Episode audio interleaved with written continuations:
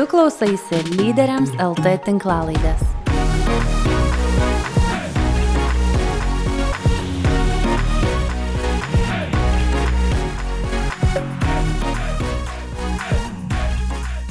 Sveikas, brangus bičiuli.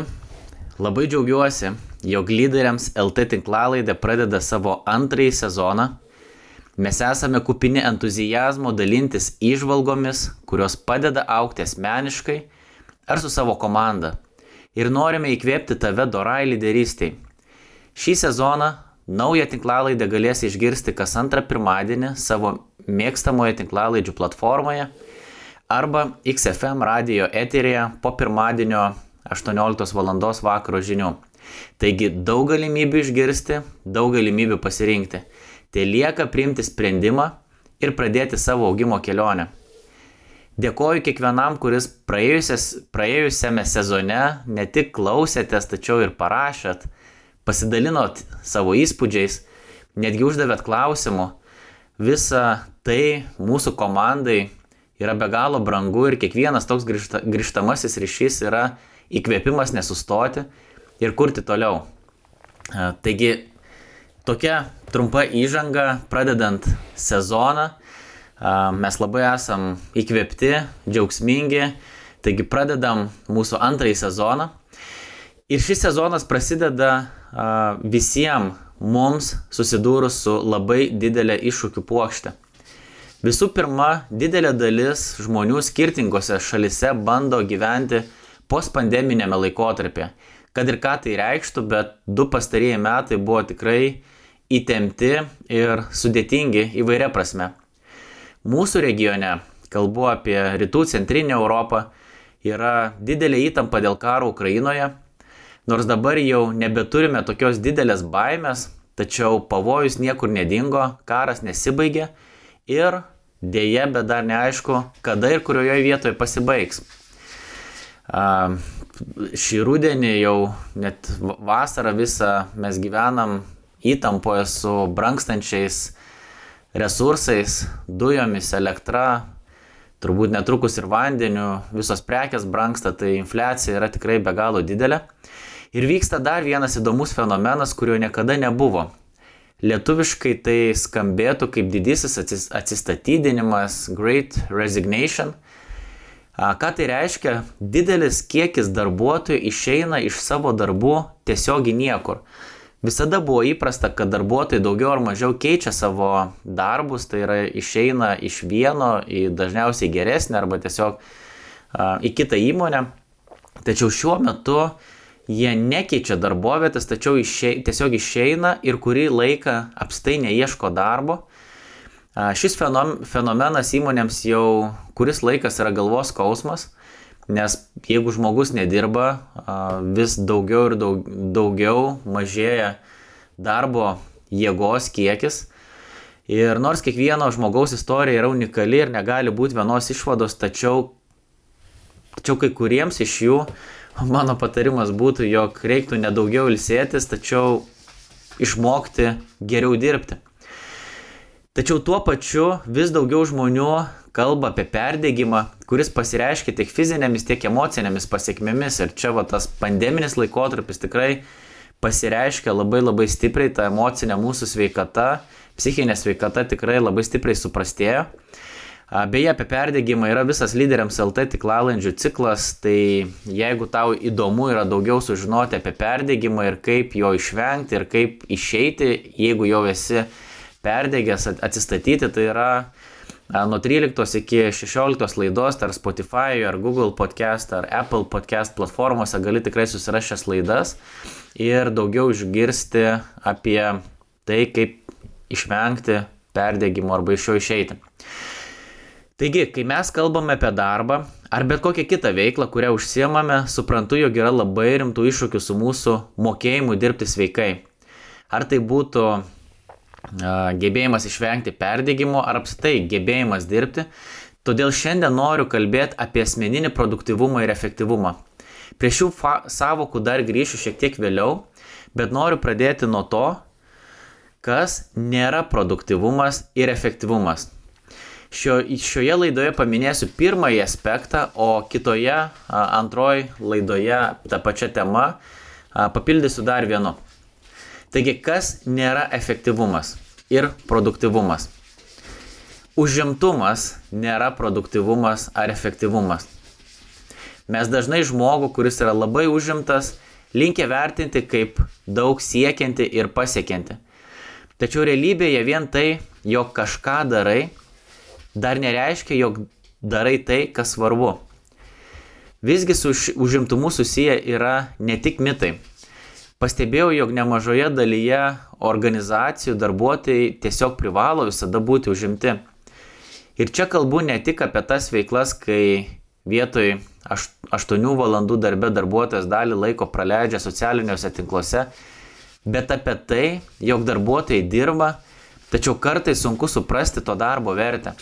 Pavyzdžiui, kuria lenteles, dalyvauja begalė susirinkimų, kažką rašo, užrašo ir perrašo. Pardavimuose man teko matyti tokių pardavėjų, kurie reguliariai nemažą dalį laiko skiria skambučiams, į kuriuos niekas neatsiliepia.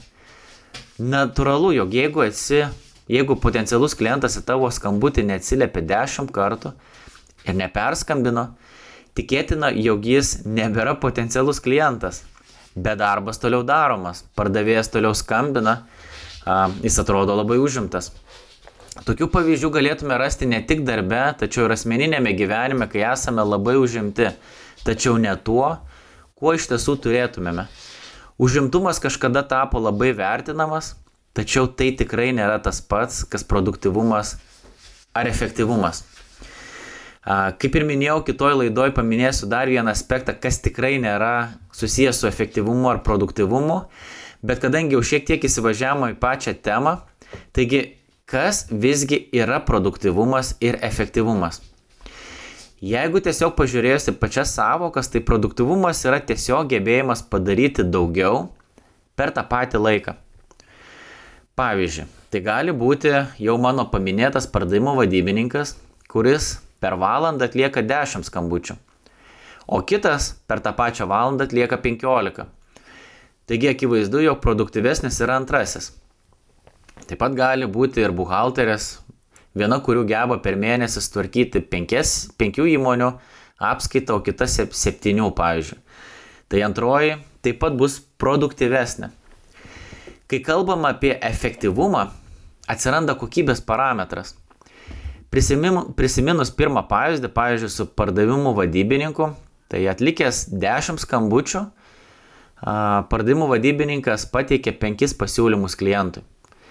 Tiek pat pateikė ir antrasis vadybininkas atlikęs 15 skambučių.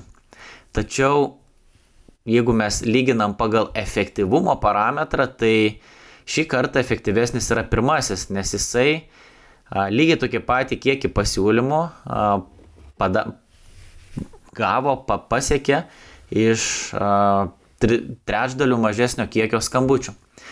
Tai gali atrodyti nesvarbu, tačiau jeigu tavo turima, pavyzdžiui, klientų duomenų bazė yra labai ribota, efektyvumas gali turėti lemiamą svarbą. Apsitai mes gyvenam ribotų resursų a, sąlygom, a, kartais trūksta finansų, kartais trūksta darbuotojų, kartais trūksta a, informacinių technologijų kažkokių patobulinimų. Visada yra kažkokie dalykai riboti, tai jeigu tu sugebi tą patį rezultatą pasiekti su mažesniu kiekiu resursų, tai visada tu esi gerokai efektyvesnis negu tas, kuris daugiau resursų panaudoja.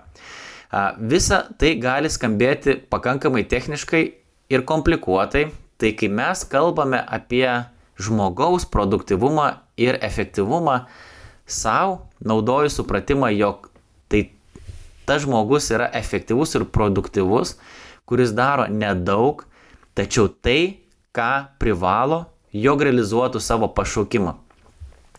Pakartosiu dar kartelį. Produktyvus ir efektyvus žmogus yra tas, kuris daro nedaug, tačiau tai, ką privalo, jog realizuotų savo pašaukimą. Pastarasis žodis, kalbu apie pašaukimą, daug dažniau naudojamas krikščioniškoj aplinkoj, nes mes esame įsitikinę ir mes žinom, kad mūsų viešpats Dievas mus pašaukė, mums davė tam tikrą kelią, kelionę, davė dovanas ir mes esame čia tam, kad realizuotumėm tą pašaukimą. Tačiau vis dažniau ir verslo organizacijos, verslo konsultantai ir psichologai naudoja šį žodį bandydami apibūdinti mūsų prasmingumą. Bet kokiu atveju mes turime suprasti, jog visi turime priežastį ir tikslą šiame gyvenime. Jeigu nelendant taip giliai gyvenimo prasmės paieškas, tai ši savaitė tikrai turi didelę svarbą tavo tikslų pasiekime. Ir nesvarbu, ar tai būtų mėnesio pardavimo tikslai, ar nuosavo namo statybos. Ne visi tavo darbai priartins tave prie tikslo ir tai yra akivaizdu. Kai kalbame dabar, tačiau ne taip akivaizdu, kai mes esame savo kasdienybėje.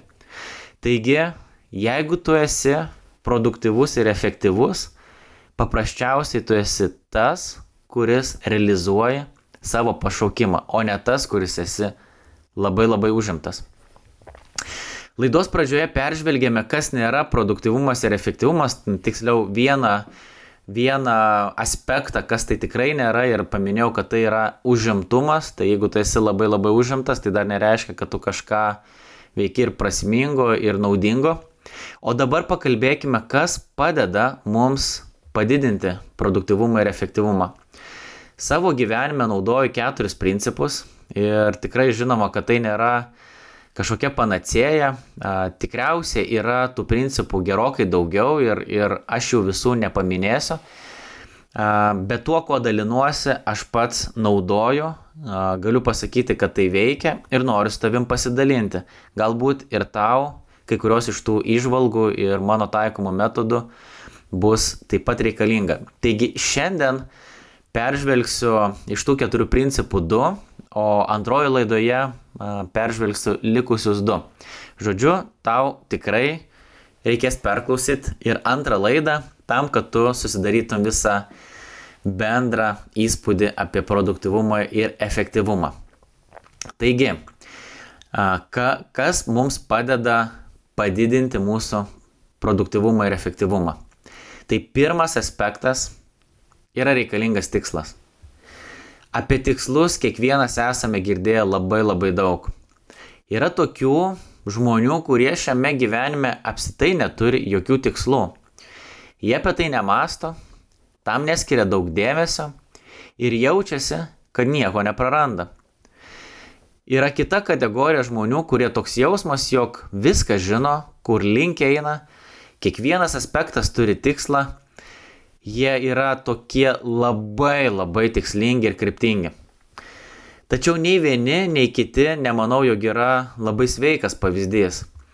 Aš pats stebiu, jog šiandien pokyčiai vyksta labai greitai, todėl būtinas lankstumas. Tačiau apskritai neturėjimas krypties mane šiek tiek šokiruoja. Aš manau, kad man būtų sunku gyventi neturint absoliučiai jokio tikslo ir jokios krypties. Noriu pasidalinti savo tokiu asmeniniu pavyzdžiu, kuris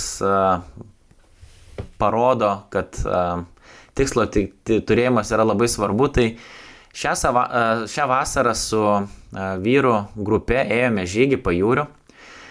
Pirmąją žygio dieną įvyko įdomus nutikimas prisėdome ant rasto, šiek tiek palsėti prie, prie, prie jūros.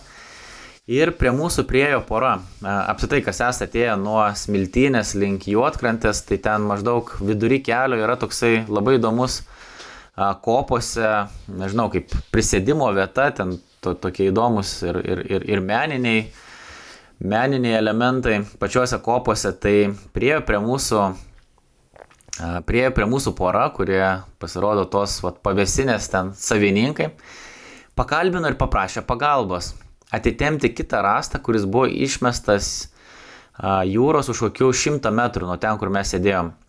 Kadangi mūsų buvo daug vyrų, nusprendėme padėti. Bet man patiko mano pastoriaus Sauliaus Karoso mintis.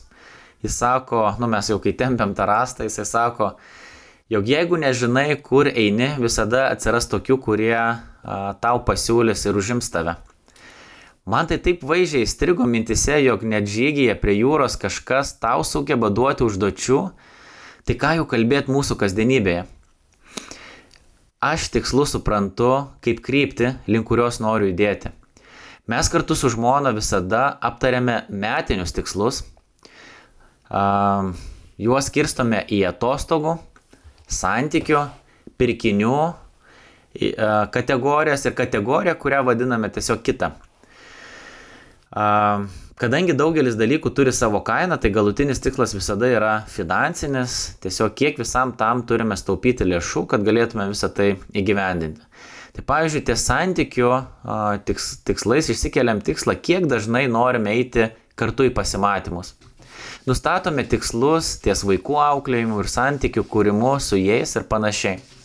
Visų pirma, man ne tiek šie tikslai patinka, kiek jų kūrimas kartu su žmona. Tai duoda tarpusavio supratimą, ką šiemet norime kaip šeima pasiekti. Tačiau ir patys tikslai užduoda toną, pavyzdžiui, numatytoms atostogoms man reikia suplanuoti savo darbus, pasiruošti joms. Pasimatymai taip pat turi rasti savo vietą kalendorijoje. Juk nesuplanuočiau kažko kito ir galiausiai suprasčiau, kad jau pusę metų su žmona nenueiname pasimatym, pasimatymus. Aš pats tai pastebiu savo gyvenime, kad dažnai tam yra pagunda ir labai daug girdžiu iš savo draugų bičiulių, kad atsiranda visada užduočių ir to, ko mes nesam suplanavę ar numatę, tai dažniausiai padaryti yra be galo sudėtinga. Aš savo išsikeliu ir asmeninius tikslus, ko pats noriu per šiuos metus pasiekti, nuolatos apmastau ir savo tobulėjimą, kurį paverčiu dažniausiai skaičiumi knygų, kurias noriu perskaityti ir panašiai. Iš pažiūros atrodo visko labai daug, tačiau galiausiai visi mano tikslai pavirsta veiklomis kasdien ar kas savaitę. Aš viską sudedu į savo kalendorių ir gyvenu pakankamai ritmingą gyvenimą. Jeigu niekada to nesi bandęs, rekomenduoju pradėti nuo kažko labai paprasto. Pavyzdžiui, išsikelk tikslą kartą per mėnesį su savo sutoktiniu išeiti pasimatymą. Kas, uh, kas, kas ir vakarienė ar kavos podeliui, nereikia kažka, kažko labai sudėtingo, tačiau tau tai duos krypti, kur link nori judėti. Jeigu tarpusavio santykiai nėra tas rytis, kurią tau reikia stiprinti, tai tavo tobulėjimas tikrai turėtų būti toks. Liko keletas mėnesių iki naujųjų metų, numatyk savo skaitimo tikslą. Aš visada mastau perskaitytomis knygomis, pavyzdžiui, galėtų tau būti toks tikslas šešios knygos iki naujųjų metų. Tačiau gali būti, pavyzdžiui, tikslas ir kasdien 15 minučių knygos skaitimo. Tikiu, jog supratai pačią mintį, kurią noriu perteikti. Esminis dalykas, jog jeigu nori būti produktyvus ir efektyvus, visų pirma turi žinoti savo kryptį, kur link judi. Antras aspektas ir principas, kurį aš naudoju savo gyvenime tam, kad tapčiau efektyvesnis ir produktyvesnis, yra ne sąrašas. Mes nuolatos esame mokomi sudaryti savo darbų sąrašus, taip vadinamus tudių sąrašus. Tačiau jeigu nori būti ypatingai efektyvus, tai tau reikia not to do sąrašų. Warrenas Buffettas, Buffettas vienas sėkmingiausių visų laikų investuotojų, sėkm, jis apibūdina sėkmę taip, jog sėkmė yra beveik viskam sakymas ne. Šventajame rašte, pirmame laiške korintiečiams šeštam skyriui 12 eilutė Paulius rašo, jog viskas man leistina, bet ne viskas naudinga. Viskas man leistina, bet aš nesiduosiu niekino pavergiamas. Ir tiesa yra tokia, jog daugelis dalykų, kur, kurių atrodo norime, mums yra nenaudingi. Tad kodėl neįsivardinti jų, jog susidūrus iš karto galėtume sakyti ne. Tai nėra kažkoks mistinis sąrašas, kuris padaro tave bejausmių ir šaltų žmogumi. Atvirkščiai, tai suteikia tau jėgos būti ten ir su tais, kurie yra patys svarbiausi ir atlikti tuos darbus, kurie tave artina prie tikslo. Pasidalinsiu keletų pavyzdžių iš savo nesąrašo, kurį įprastai sudarau metams į priekį ir esant poreikiui pakoreguoju. Vienas iš mano ne yra, jog aš nestudijuosiu. Tai yra, nestudijuosiu universitete šiais metais. Atrodo jokinga, tačiau aš labai noriu studijuoti. Taip atvirai pasakius. Tačiau manau, jog šiuo metu man tai niekaip nepadės priartėti prie savo tikslų. todėl aš savo aiškiai įvardinau, jog to kol kas nedarysiu. Sunku net patikėti, tačiau šiemet sulaukiau bent dviejų pasiūlymų studijuoti. Kadangi mano statusas socialiniuose tinkluose yra vadovas, CEO, tai dvi aukštosios mokyklos kryptingai man pardavinėjo vadovų magistratūros studijas. Gerai, kad žinoju, kad atsakymas yra ne, nes kitu atveju pagunda buvo labai labai didelė. Ir kas sakau keščiausia, kad įsivardinau, kad ne ir, ir anksčiau manęs niekas neieškojo, bet kai įsivardinau ne, tai pradėjau ieškoti, tačiau kai žinai tiksliai, kad tai yra ne šiais metais, taip ir atsakiau. Kitas mano ne yra nedalyvauti renginiuose kaip pranešėjų nemokamai. Ir galbūt tai skamba labai arogantiškai, labai retomis išimtimis aš tai padarau ir, ir beveik visada išskirtinai tai būna susijęs su jaunimu, aš labai noriu, aš pats jaunas esu, bet noriu naujai kartai tikrai perduoti bent minimaliai, ką, ką, ką pats esu supratęs. Tačiau tam, kad perskaityti pranešimą, reikia koreguoti savo planus, nes dažniausiai renginys jau turi datą. Taip pat, kad ir koks renginys nedidelis būtų, tam turiu skirti laiko ir pasiruošimą.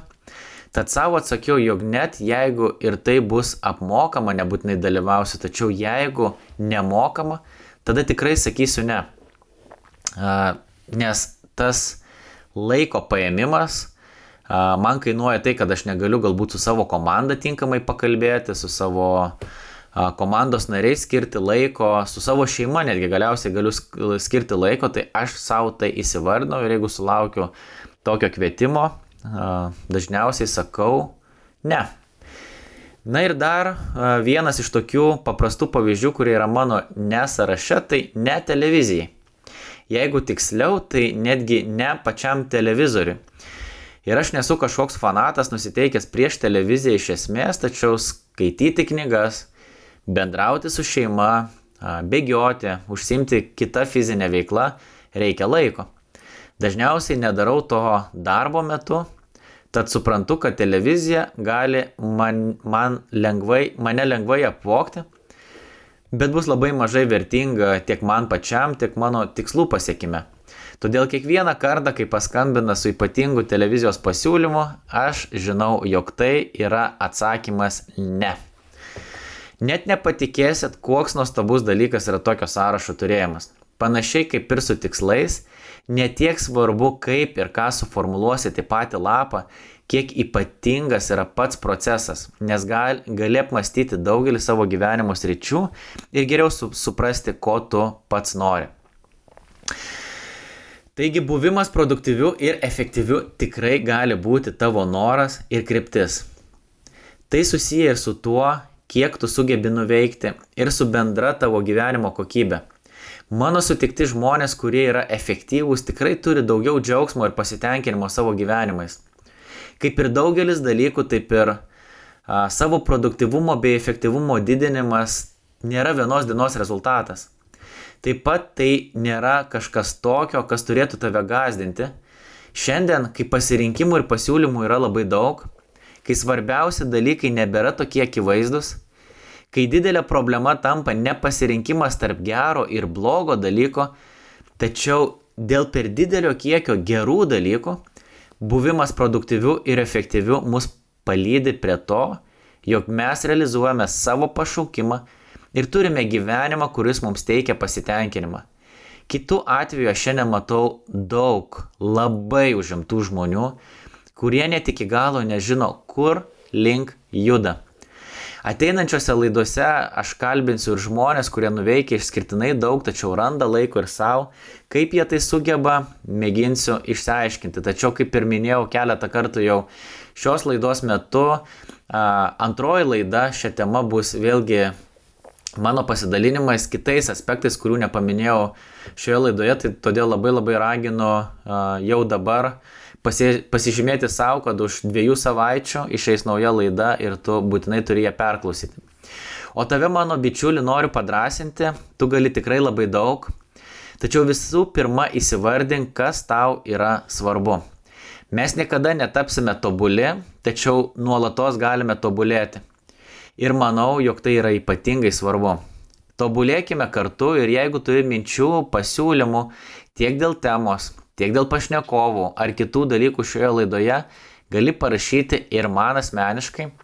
O jeigu manai, kad šios laidos yra vertingos tau, įvertink jas savo mėgiamoje tinklalaidžių platformoje pasidalink su šia laida su savo bičiuliais, pasidalink socialinėje erdvėje.